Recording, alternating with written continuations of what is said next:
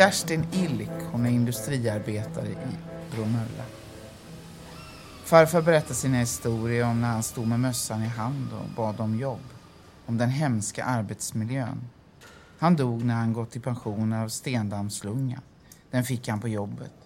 Minnena av hans berättelse har stannat kvar i mig.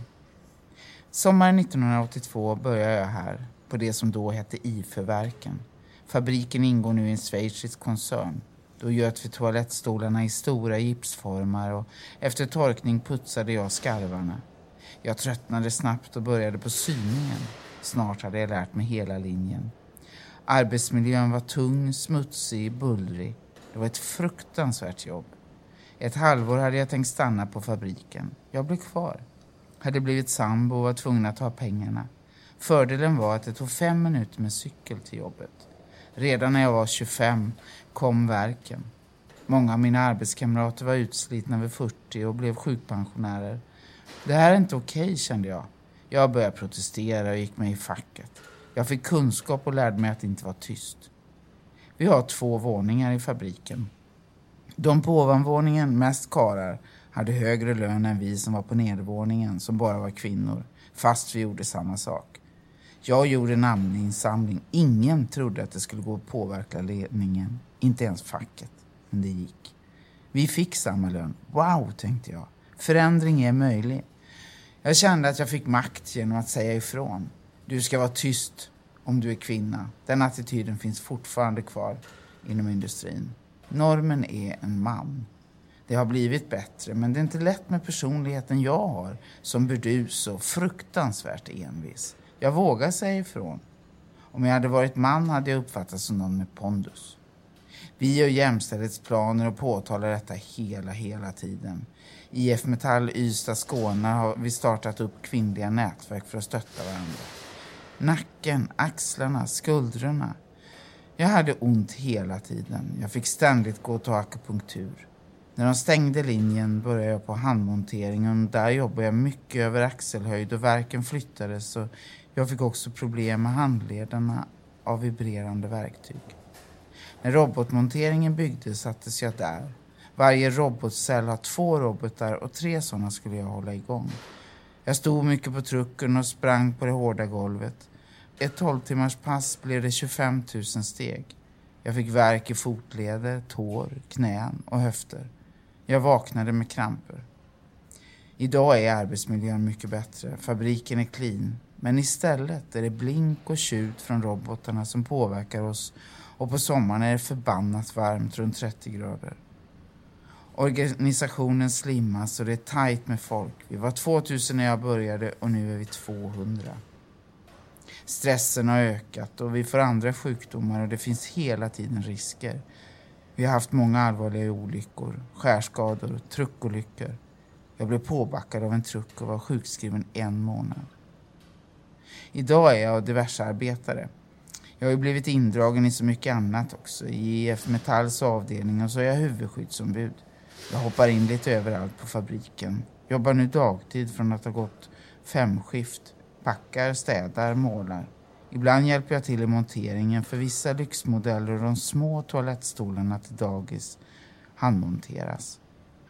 Det är klart att kroppen har tagit stryk efter 38 år. Jag blir så förbaskad. Man kan inte bara gå in och höja pensionsåldern. Man måste se människorna. Jag är född på 60-talet. Vi som började jobba på 70 och 80-talen då det inte fanns några hjälpmedel, ingen lyfthjälp, draghjälp, vi fördärvade oss. Att tvinga oss att jobba några år till när vi redan vid 58 börjar tänka, ska jag inte få gå i pension snart? Jag tycker det är fruktansvärt. Om vi ska fortsätta måste vi erbjudas att gå ner i tid. Jag är arbetare. Jag blir skitförbannad när de tror att den är mer värd än någon annan. Ta det med coronan. Då jobbar tjänstemännen hemifrån. De kan vara hemma och jobba med sin data. Medan vi som står i produktionen måste vara här för annars kan de inte sälja något. Det är verkligen en klassfråga. Jag menar inte att det varit bättre om de jobbat här, men känslan är att de är viktigare. Eller när jag började som huvudskyddsombud och sa HR-chefen, så trevligt att få en kvinna här. Han trodde att det skulle bli lättare. Han kände inte till mitt humör. Jag retar mig på att de tror att de är mer värda om de är tjänstemän eller män. Det gör mig vansinnig. Jag trivs med arbetskollegorna, med utvecklingen. Så många toalettstolar vi har producerat och det tar inte stopp. Så många människor som är jättelojala och har lagt sin själ här. Jag är jättestolt över att vi i lilla Bromölla har ett företag i den dimensionen och att jag är en del av detta. Jag är stolt när cheferna ringer. Kerstin, nu måste du komma. Vi måste ha en riskbedömning. Då har mitt tjat i alla år spelat roll. Eller om någon kollega vill ha hjälp med att fylla i för en arbetsskada eller en arbetssjukdom. Jag betyder något. Jag är inte bara den där burdusa klimakteriekärringen. Pappa sa ofta att jag hade gjort min farfar stolt där i himlen.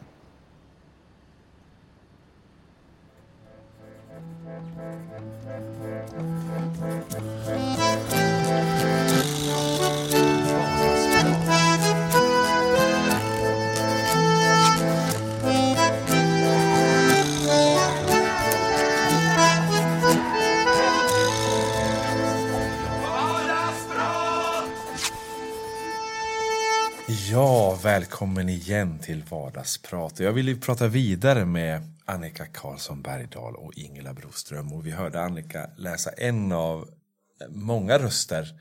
En av 33. En av 33 röster eh, som ingår i då, eh, utställningen Vi som arbetar med våra kroppar. När man hör den här berättelsen så, eh, ett så, så är det någonting man har saknat. Det är någonting man känner igen. Alltså, ja men shit, de här berättelserna hörde jag någon gång. Och sen är det någonting man har saknat. Och så får man lusten att säga till er, men hur, hur, hur många får möjlighet, alltså hur, vad, vad, ska ni göra med det här materialet mer? Vad kommer att hända med den här utställningen och vad, vad är era planer liksom? För att få ut det till så många som möjligt. ja, va, verkligen. Jo, men alltså, dels så är det den här vandringsutställningen som går på museer och som börjar då på Länsmuseet, vilket ju är så bra och så viktigt och att komma in i de så kallade finrummen. Att, att arbetarklassen får ta så stor plats och, runt om i Sverige. Men sen så gör vi ju också eh, mindre utställningar. Alltså just nu så är det 16 stycken på gång som kommer att vandra runt i eh, arbetarrörelsens regi. ABF och, och LO kommer att ha hand om dem. Och till det finns det studiematerial. Vi har den här boken som ju har tryckts i över 8000 ex som kommer spridas över Sverige. Vi har ett pedagogiskt material som man kommer jobba med på museerna som vänder sig till skolorna. Så att vi försöker göra så mycket som möjligt för att sprida det så mycket som möjligt. Mm. Och det är på väldigt bred front. Mm. Dessutom så kommer vi ju göra programverksamhet i höst. kommer vi ha några punkter på Länsmuseet och diskutera och lyfta de här frågorna. Mm. Och en fråga som vi ju också har lyft under arbetet med utställningen det är ju vart ska det här materialet ta vägen? För mig är det självklart att det här är en samtidsdokumentation, en viktig sådan och kommer bara bli mer värd med tiden. Så materialet måste landa i ett museum någonstans, var det nu blir. Mm. Jag, jag, känner också det här lusten till skapande, lusten till, eller de här berättelserna, alltså fler måste få berätta ur arbetarklassen. Mm. Alltså, ni har ju startat någonting nu mm. som känns, ja, känns viktigt att, att, att fler får ta plats i sen. Liksom. Absolut, och, och det är ju också samarbete med föreningen Arbetarskrivare är det tänkt och att, att vi, det ska vara skrivarkurser och också fotokurser och ja. att man ska skapa och göra något utifrån det här. Och det, man kan ju hitta på vad som helst skulle ja. jag säga. Mm. Och det här materialet vore ju jättetacksamt att till exempel det som görs då i Gävleborg skulle jag ju vilja att det hamnar hos oss då, det här materialet som tas fram i cirklar och med föreningen Arbetarskrivare. Det. det. är det här vi efterlyser. Vi har ju aldrig möjlighet idag att åka ut och göra den typen av dokumentationer som museer gjorde förr. Mm. Varför har ni inte det? Är det, är det liksom att ni är mindre som organisation eller? Dels är vi mindre som organisation och sen så har det ju så att säga styrts mot att vi måste vara väldigt viktiga för en publik. Vi måste möta människor, vi måste berätta för människor. Och ibland tycker jag att det har gått ut över det här insamlandet. För det är det insamlade materialet som vi använder idag när vi pratar med människor och möts och gör program. Så jag tycker det har kommit på undantag i museivärlden det här insamlandet som var väldigt stort, inte minst då på 50, 60, 70-talen.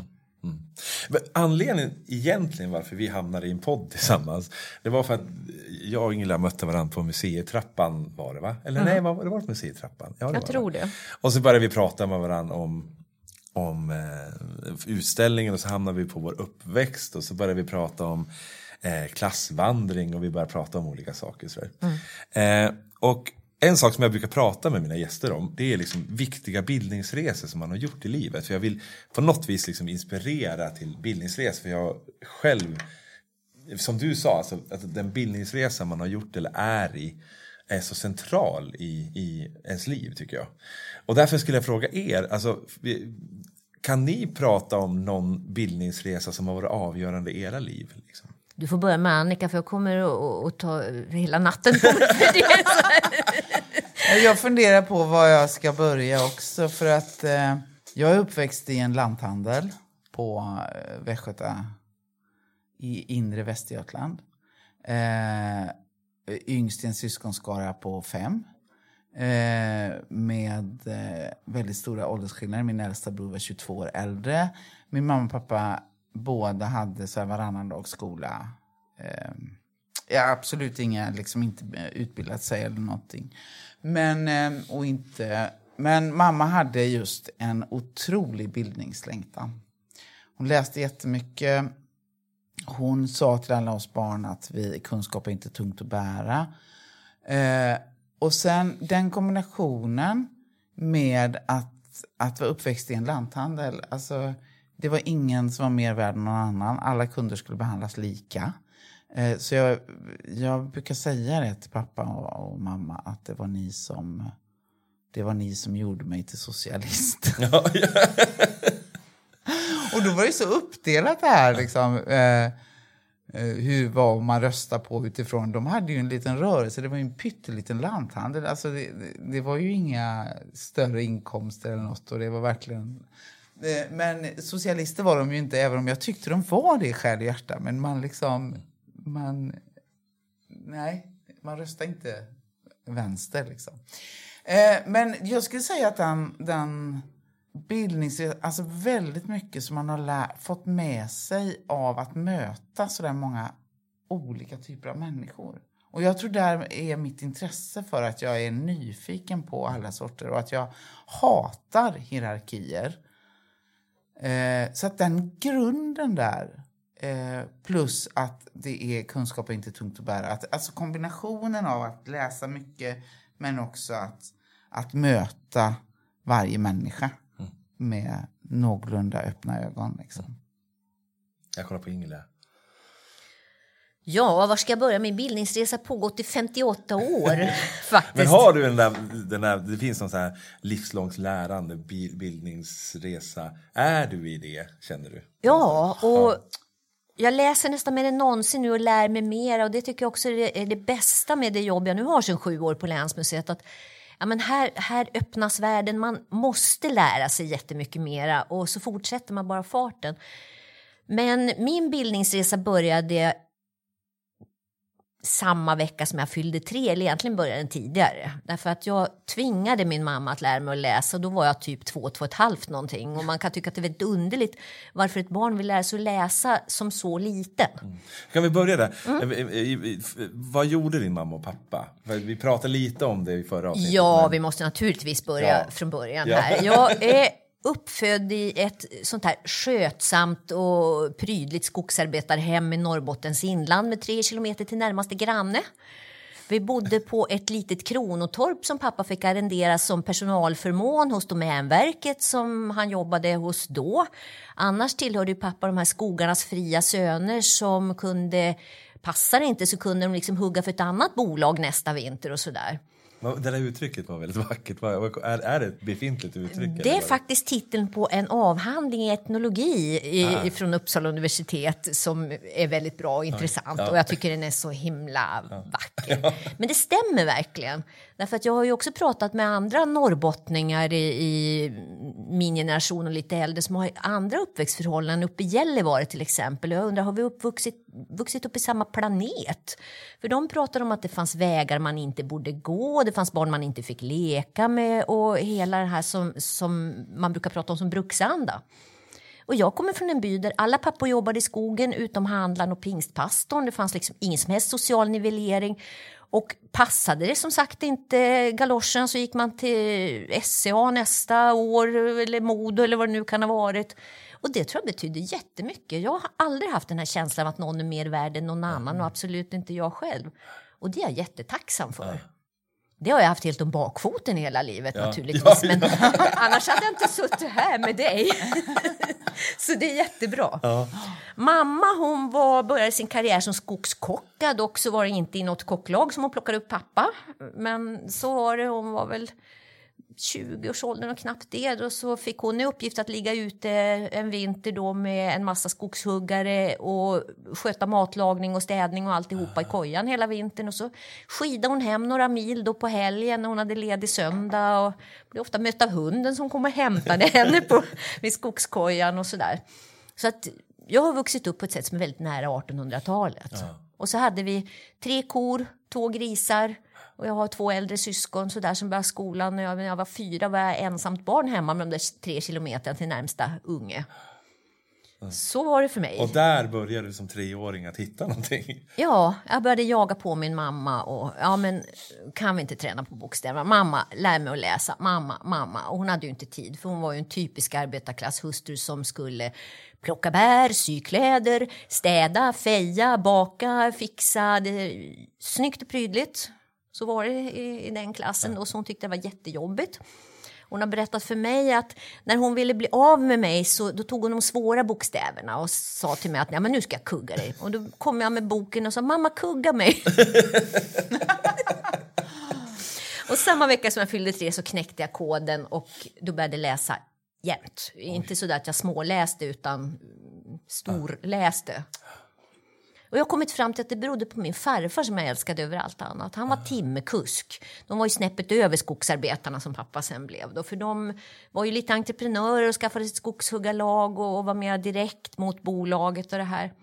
Och farfar var som en, en typisk norrbottnisk inlandsman. Vid den här tiden när han kom hem så la han sig på soffan. Och där låg han och läste sån 25-öresdeckare, Bill och Ben och, och sånt där. Så jag tror att det måste ha varit att jag som tvååring jag ville bli som farfar. Sen slutade jag aldrig att läsa. Jag läser precis som ett barn gör. Slukar böcker. Det var, jag läste en liten intervju med Susanne Osten i Svenska Dagbladet, jag tror det var igår eller idag. Och där skrev hon att hon läste böcker vampyriskt. Och det skulle jag vilja säga att det Ja. har jag gjort hela livet. Det är lite så här Helene Schärfbeck, den finska konstnärinnan. Hon pratade om att hon ville äta färg. Det är Ja, kanske samma känsla. Liksom. Ja. Att, Så jag läser böcker vampyriskt ja, ja, fortfarande. ja. Ja. Känner du igen dig i det? Ja, jag blir väldigt... Eh, du beskriver det så himla bra, Ingela. Men det är...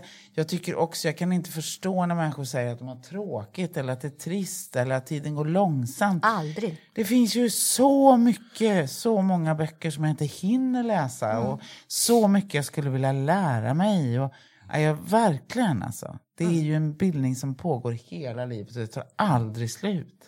Men ni börjar ju, jag känner ju inte igen mig där, för att jag hade ju en barndom utan böcker. Liksom, eh, och utan teater, utan konst och allting.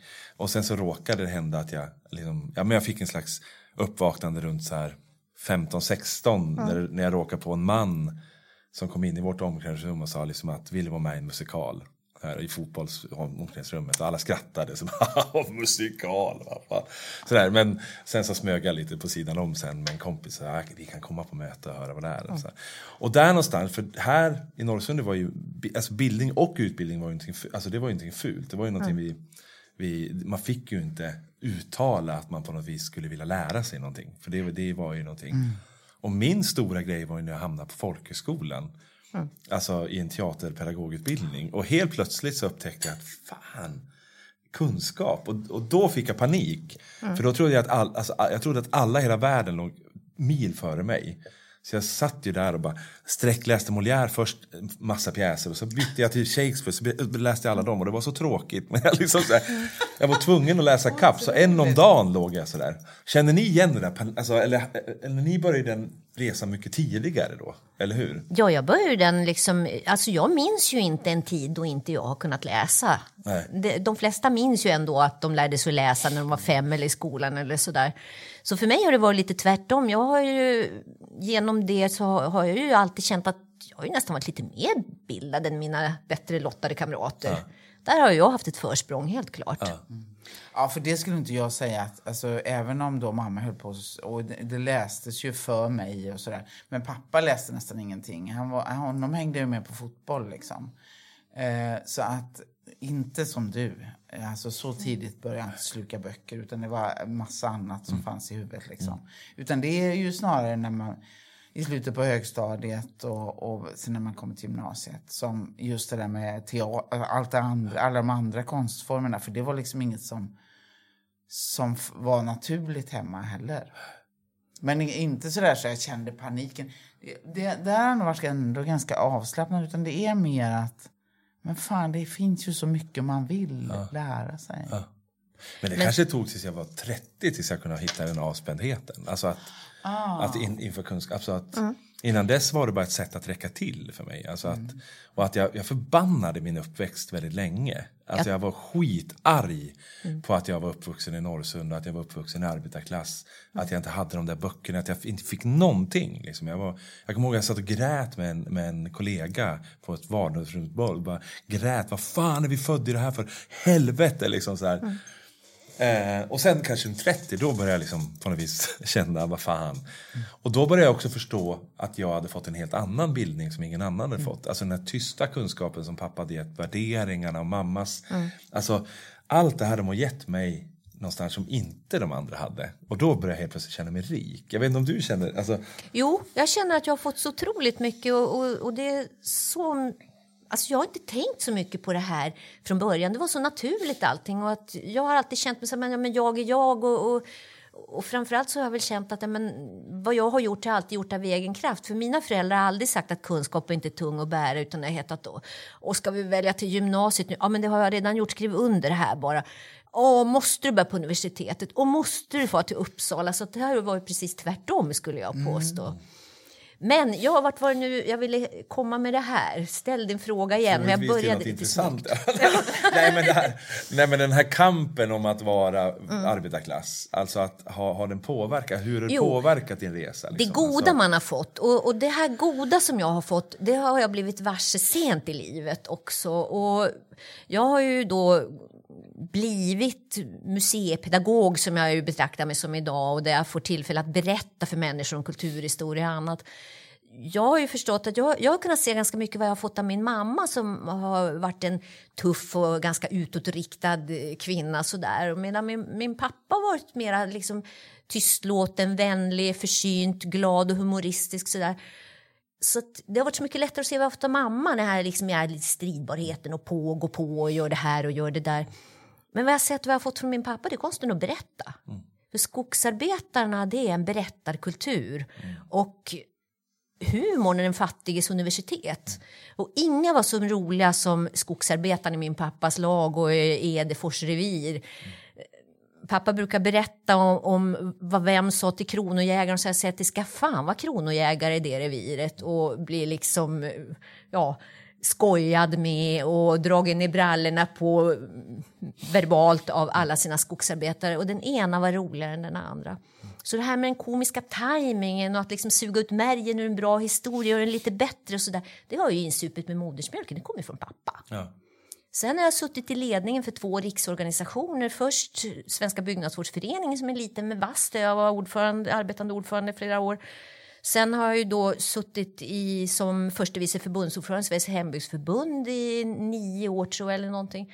Pappa var dyslektiker och så var han syndikalist. Han blev alltid vald till sekreterare i Spikbergs LS.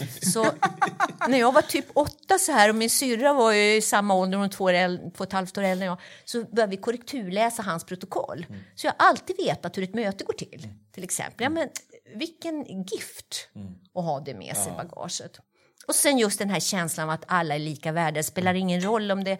Ja, jag har duat kungen inför hela Gävleborgs media och jag tänkte jävlar i helvete, jag gjorde det i alla fall. Det är ju det man alltid är rädd för. Då. Men det bara vart så. Mm. jag vill komma till det här också.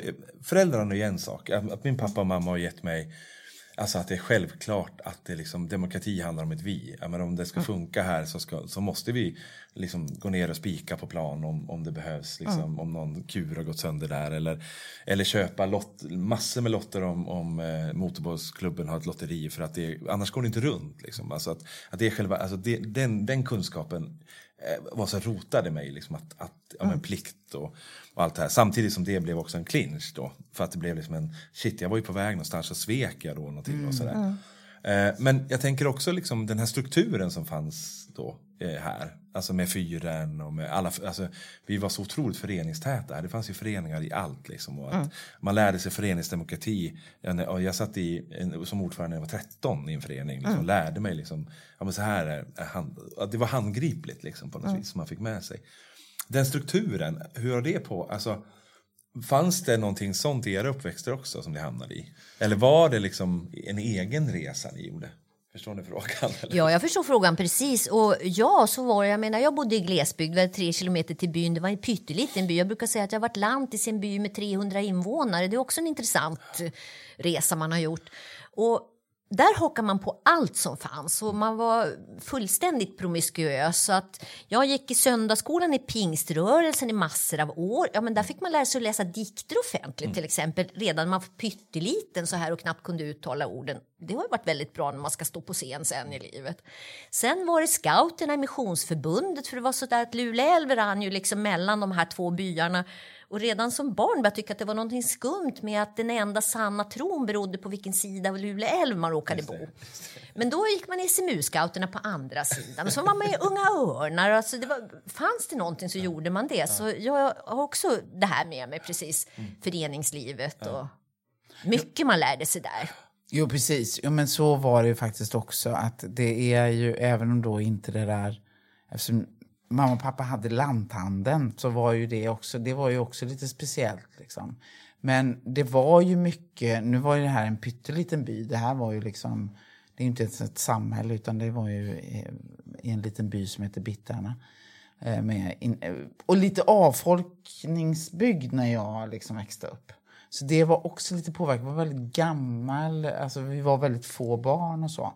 Men jag var ju också med i allting, alltså allt från scouterna till eh, söndagsskolan och dansa ballett och jag blev ovän med alla överallt och sådär. Och eh, föreningsliv och mycket... Ja, man deltog ju, man var ju aktiv liksom. Men sen inte kanske jag, nu, nu, tänker jag högt och kan inte riktigt... Det här har jag inte tänkt så mycket på faktiskt. Nej. Jag har tänkt väldigt mycket på hur... Alltså att själva miljön i den här lilla, lilla affären har påverkat mig väldigt mycket. Men allt det där man gjorde runt omkring. Sen upplevde jag väldigt starkt att den sociala kontrollen var väldigt hård. Alltså när man skulle bryta sig loss då och inte, och man flyttade, eller jag flyttade och så. Då kände man ju att att det var ganska inskränkt. Liksom, att så fort man började sticka ut så, så pratades det. Det fanns en väldigt social kontroll. Det tror jag att vi alla kan vittna om. Ja, ja, bo, alltså, ja både och kan jag tycka. Mm. Både den här... Alltså, vissa karaktärer som inte alls får plats idag liksom, fick plats i en brukskontext här. Mm. Alltså, jag menar, alkoholisten till exempel fick vara hemma någon vecka när, när det mådde skitdåligt. Sen fick komma tillbaka och jobba. Alltså, för att det fanns liksom en... Men sen fanns det ju självklart också, jag menar, när jag utbildade mig inom teater så kom jag tillbaks för att jag ville liksom fortsätta verka här lite grann. Mm. Då märkte jag att liksom, shit, helt plötsligt hade jag blivit teaterbögen och, mm. och sådär. Och, och, då fick jag helt plötsligt inte plats här. Mm. Liksom. Precis, men det där har jag tänkt mycket på. För att eh, vi hade ju också de här, alltså, Löka-Jesus som liksom var vegetarian. Så han kallades för Löka-Jesus, en äldre man som cyklade med långt skägg och så. Eh, och norska Karl som hade varit i Norge någon gång och jobbat i sin ungdom. Eh, och, och de var speciella, men det var, ju, det var ju det som var problemet. De var accepterade så som de var. Men man fick inte bryta den roll man hade tillgivits. Nej. Det är ju lite som du säger där, när du hade liksom åkt iväg och så skulle komma tillbaka, så då var det helt plötsligt lite svår att ha kontroll på. Du ja. var fan teaterbög. Liksom. Ja. och så, det upplevde jag väldigt starkt, att när man liksom börjar gå åt något annat håll eller när man lämnar den roll man hade haft. Mm. då var det inte lika acceptabelt längre. Och det, det kanske har med de här det är så roligt att du har de här namnen. Det är ju, det är ju, jag menar här har ju alla ett namn, Mm. både hus och människor. Liksom. Och, det var, och det blir också en slags rollkaraktär som man blir tillsatt. Liksom. Mm. Alltså, man blir, och både på gott och ont ju. För, Verkligen att på man, gott för karaktären kan ju också göra att man blir synlig, alltså att man får en roll att Mm. förhålla sig till. Men som du säger, vad händer om man försöker bryta den rollen? Liksom? Skitsvårt. Ja, Verkligen. ja. Jag fick väl en roll som så liten som avvikare då så att jag har väl alltid varit i den kan jag tänka mig. Jag var tydligen det barnet som folk kunde komma fram på Konsum och fråga om man kunde stav, liksom, läsa vad det står där. Liksom, ja, det står mejeriprodukter. så, så jag var väl en anomali redan som liten. Jag har nog faktiskt inte hört någon som har tre år och kunna läsa. Nej, och inte som, som också bör- började läsa så effektivt som jag gjorde också. Liksom böcker, kapitelböcker och sådär väldigt. Nej, jag tror inte det heller. Min mormor gav mig en, en hel eh, bok full med namn. Varför alltså hon hade antecknat alla namn i Norrsunde. Så här. Och så fick hon den innan hon, eller fick jag den innan hon dog. Så där. Och kan inte du ta den här? Och sen har jag haft den här liksom, i min låda. Och jag, jag vet inte riktigt vad jag ska göra av den. Nej. Men nu när du börjar också prata om den. Alltså det är, finns ju någon berättelse kring de här namnen. Ja, det är helt liksom. fantastiskt. Nu kan jag inte låta bli. När vi gjorde just hembygd så hade vi eh, skrivarkurser i, runt om i, i massa gymnasieskolor.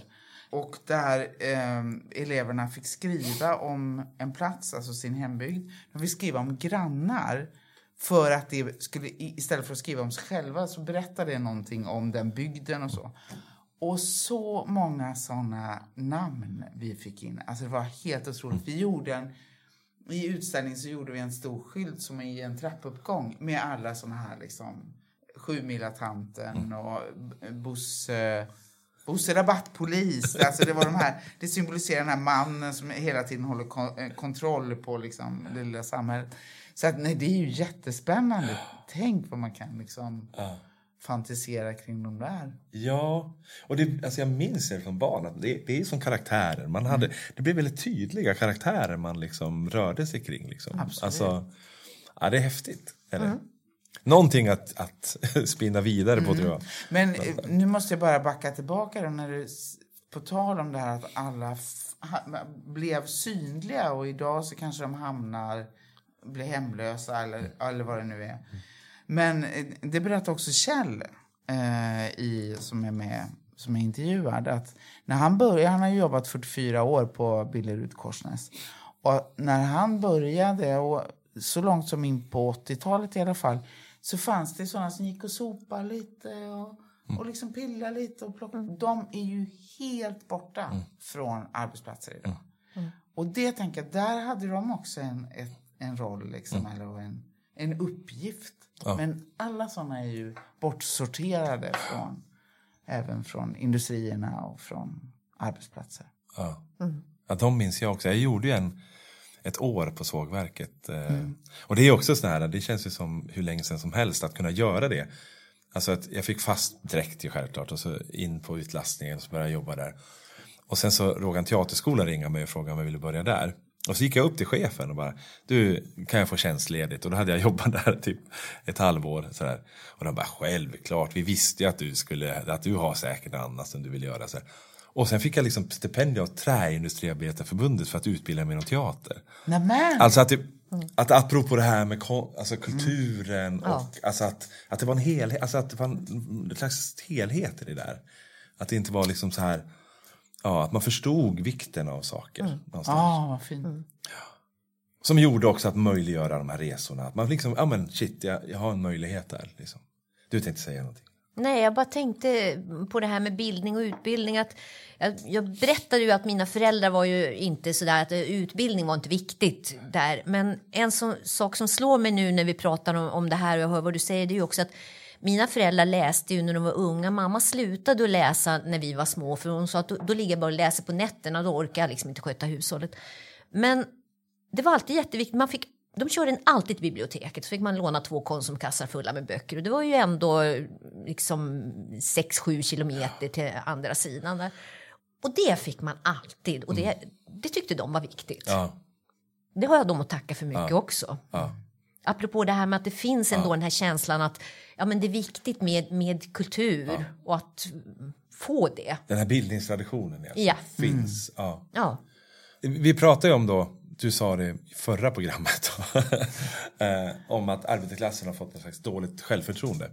Som, det träffade mig lite grann också utifrån både min egen resa, hur lätt det är också att få dåligt självförtroende. Liksom att inte, att inte känna, shit, är min berättelse värd någonting? Så börjar man berätta någon annan slags berättelse. Man låtsas vara eh, från någon annan plats. Man låtsas vara mer hur, hur, liksom, hur, hur vinner vi det där självförtroendet igen? Hur kan vi liksom vända det här? Hur kan vi liksom...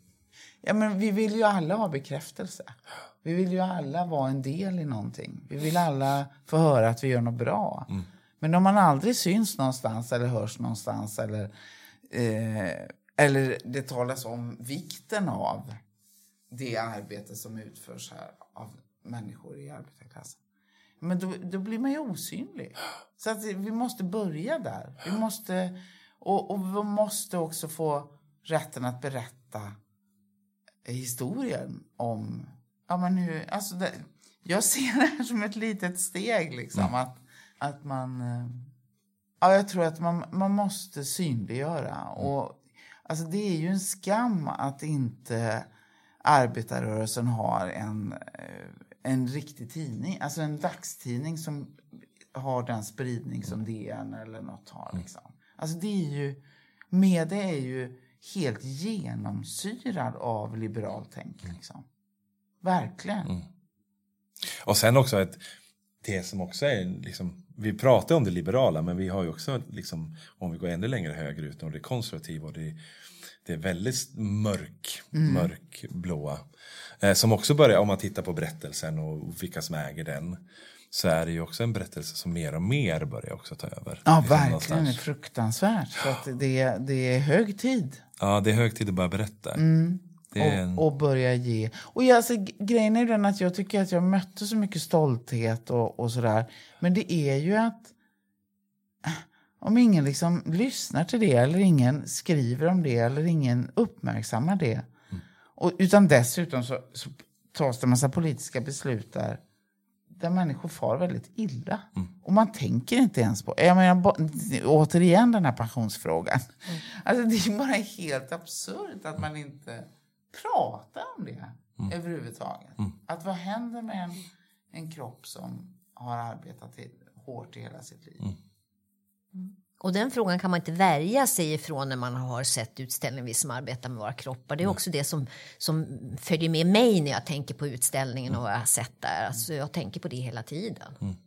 Och jag är 61 år, jag har hur mycket som helst kvar. Jag sitter och funderar på "Åh, och nu är det ju inte så många år kvar och vi har en utställningsplanering som sträcker sig flera år. För, alltså, om jag sitter och planerar någonting får jag överhuvudtaget vara med och göra det. Ja men det vill jag ju. Och så tänker jag, men jag kan ju inte tänka mig in i hur det är att liksom inte orka. För jag har på det sättet haft ett privilegierat liv. Även om jag inte hade en privilegierad start i livet så, så har jag ju verkligen fått det på ett helt annat sätt. Och det, alltså man måste tänka sig in i hur det här är. Men det är väl en otroligt fin hälsning till äh, äh, kultursverige och media-Sverige och alla andra Sverige. Att ge plats för den här berättelsen, ge plats och tid för den här berättelsen helt enkelt.